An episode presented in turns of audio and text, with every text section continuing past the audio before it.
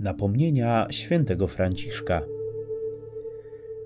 Napomnienie dziesiąte. Umartwienie ciała. Wielu jest takich, którzy grzesząc lub doznając krzywdy, składają winy na nieprzyjaciela lub bliźniego. Lecz nie tak jest. Każdy bowiem ma w swej mocy nieprzyjaciela, mianowicie ciało, które grzeszy.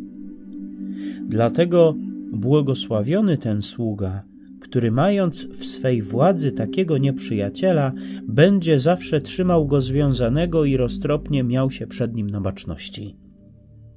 Dopóki bowiem tak będzie postępował, żaden inny nieprzyjaciel, widzialny czy niewidzialny, nie będzie mógł mu szkodzić.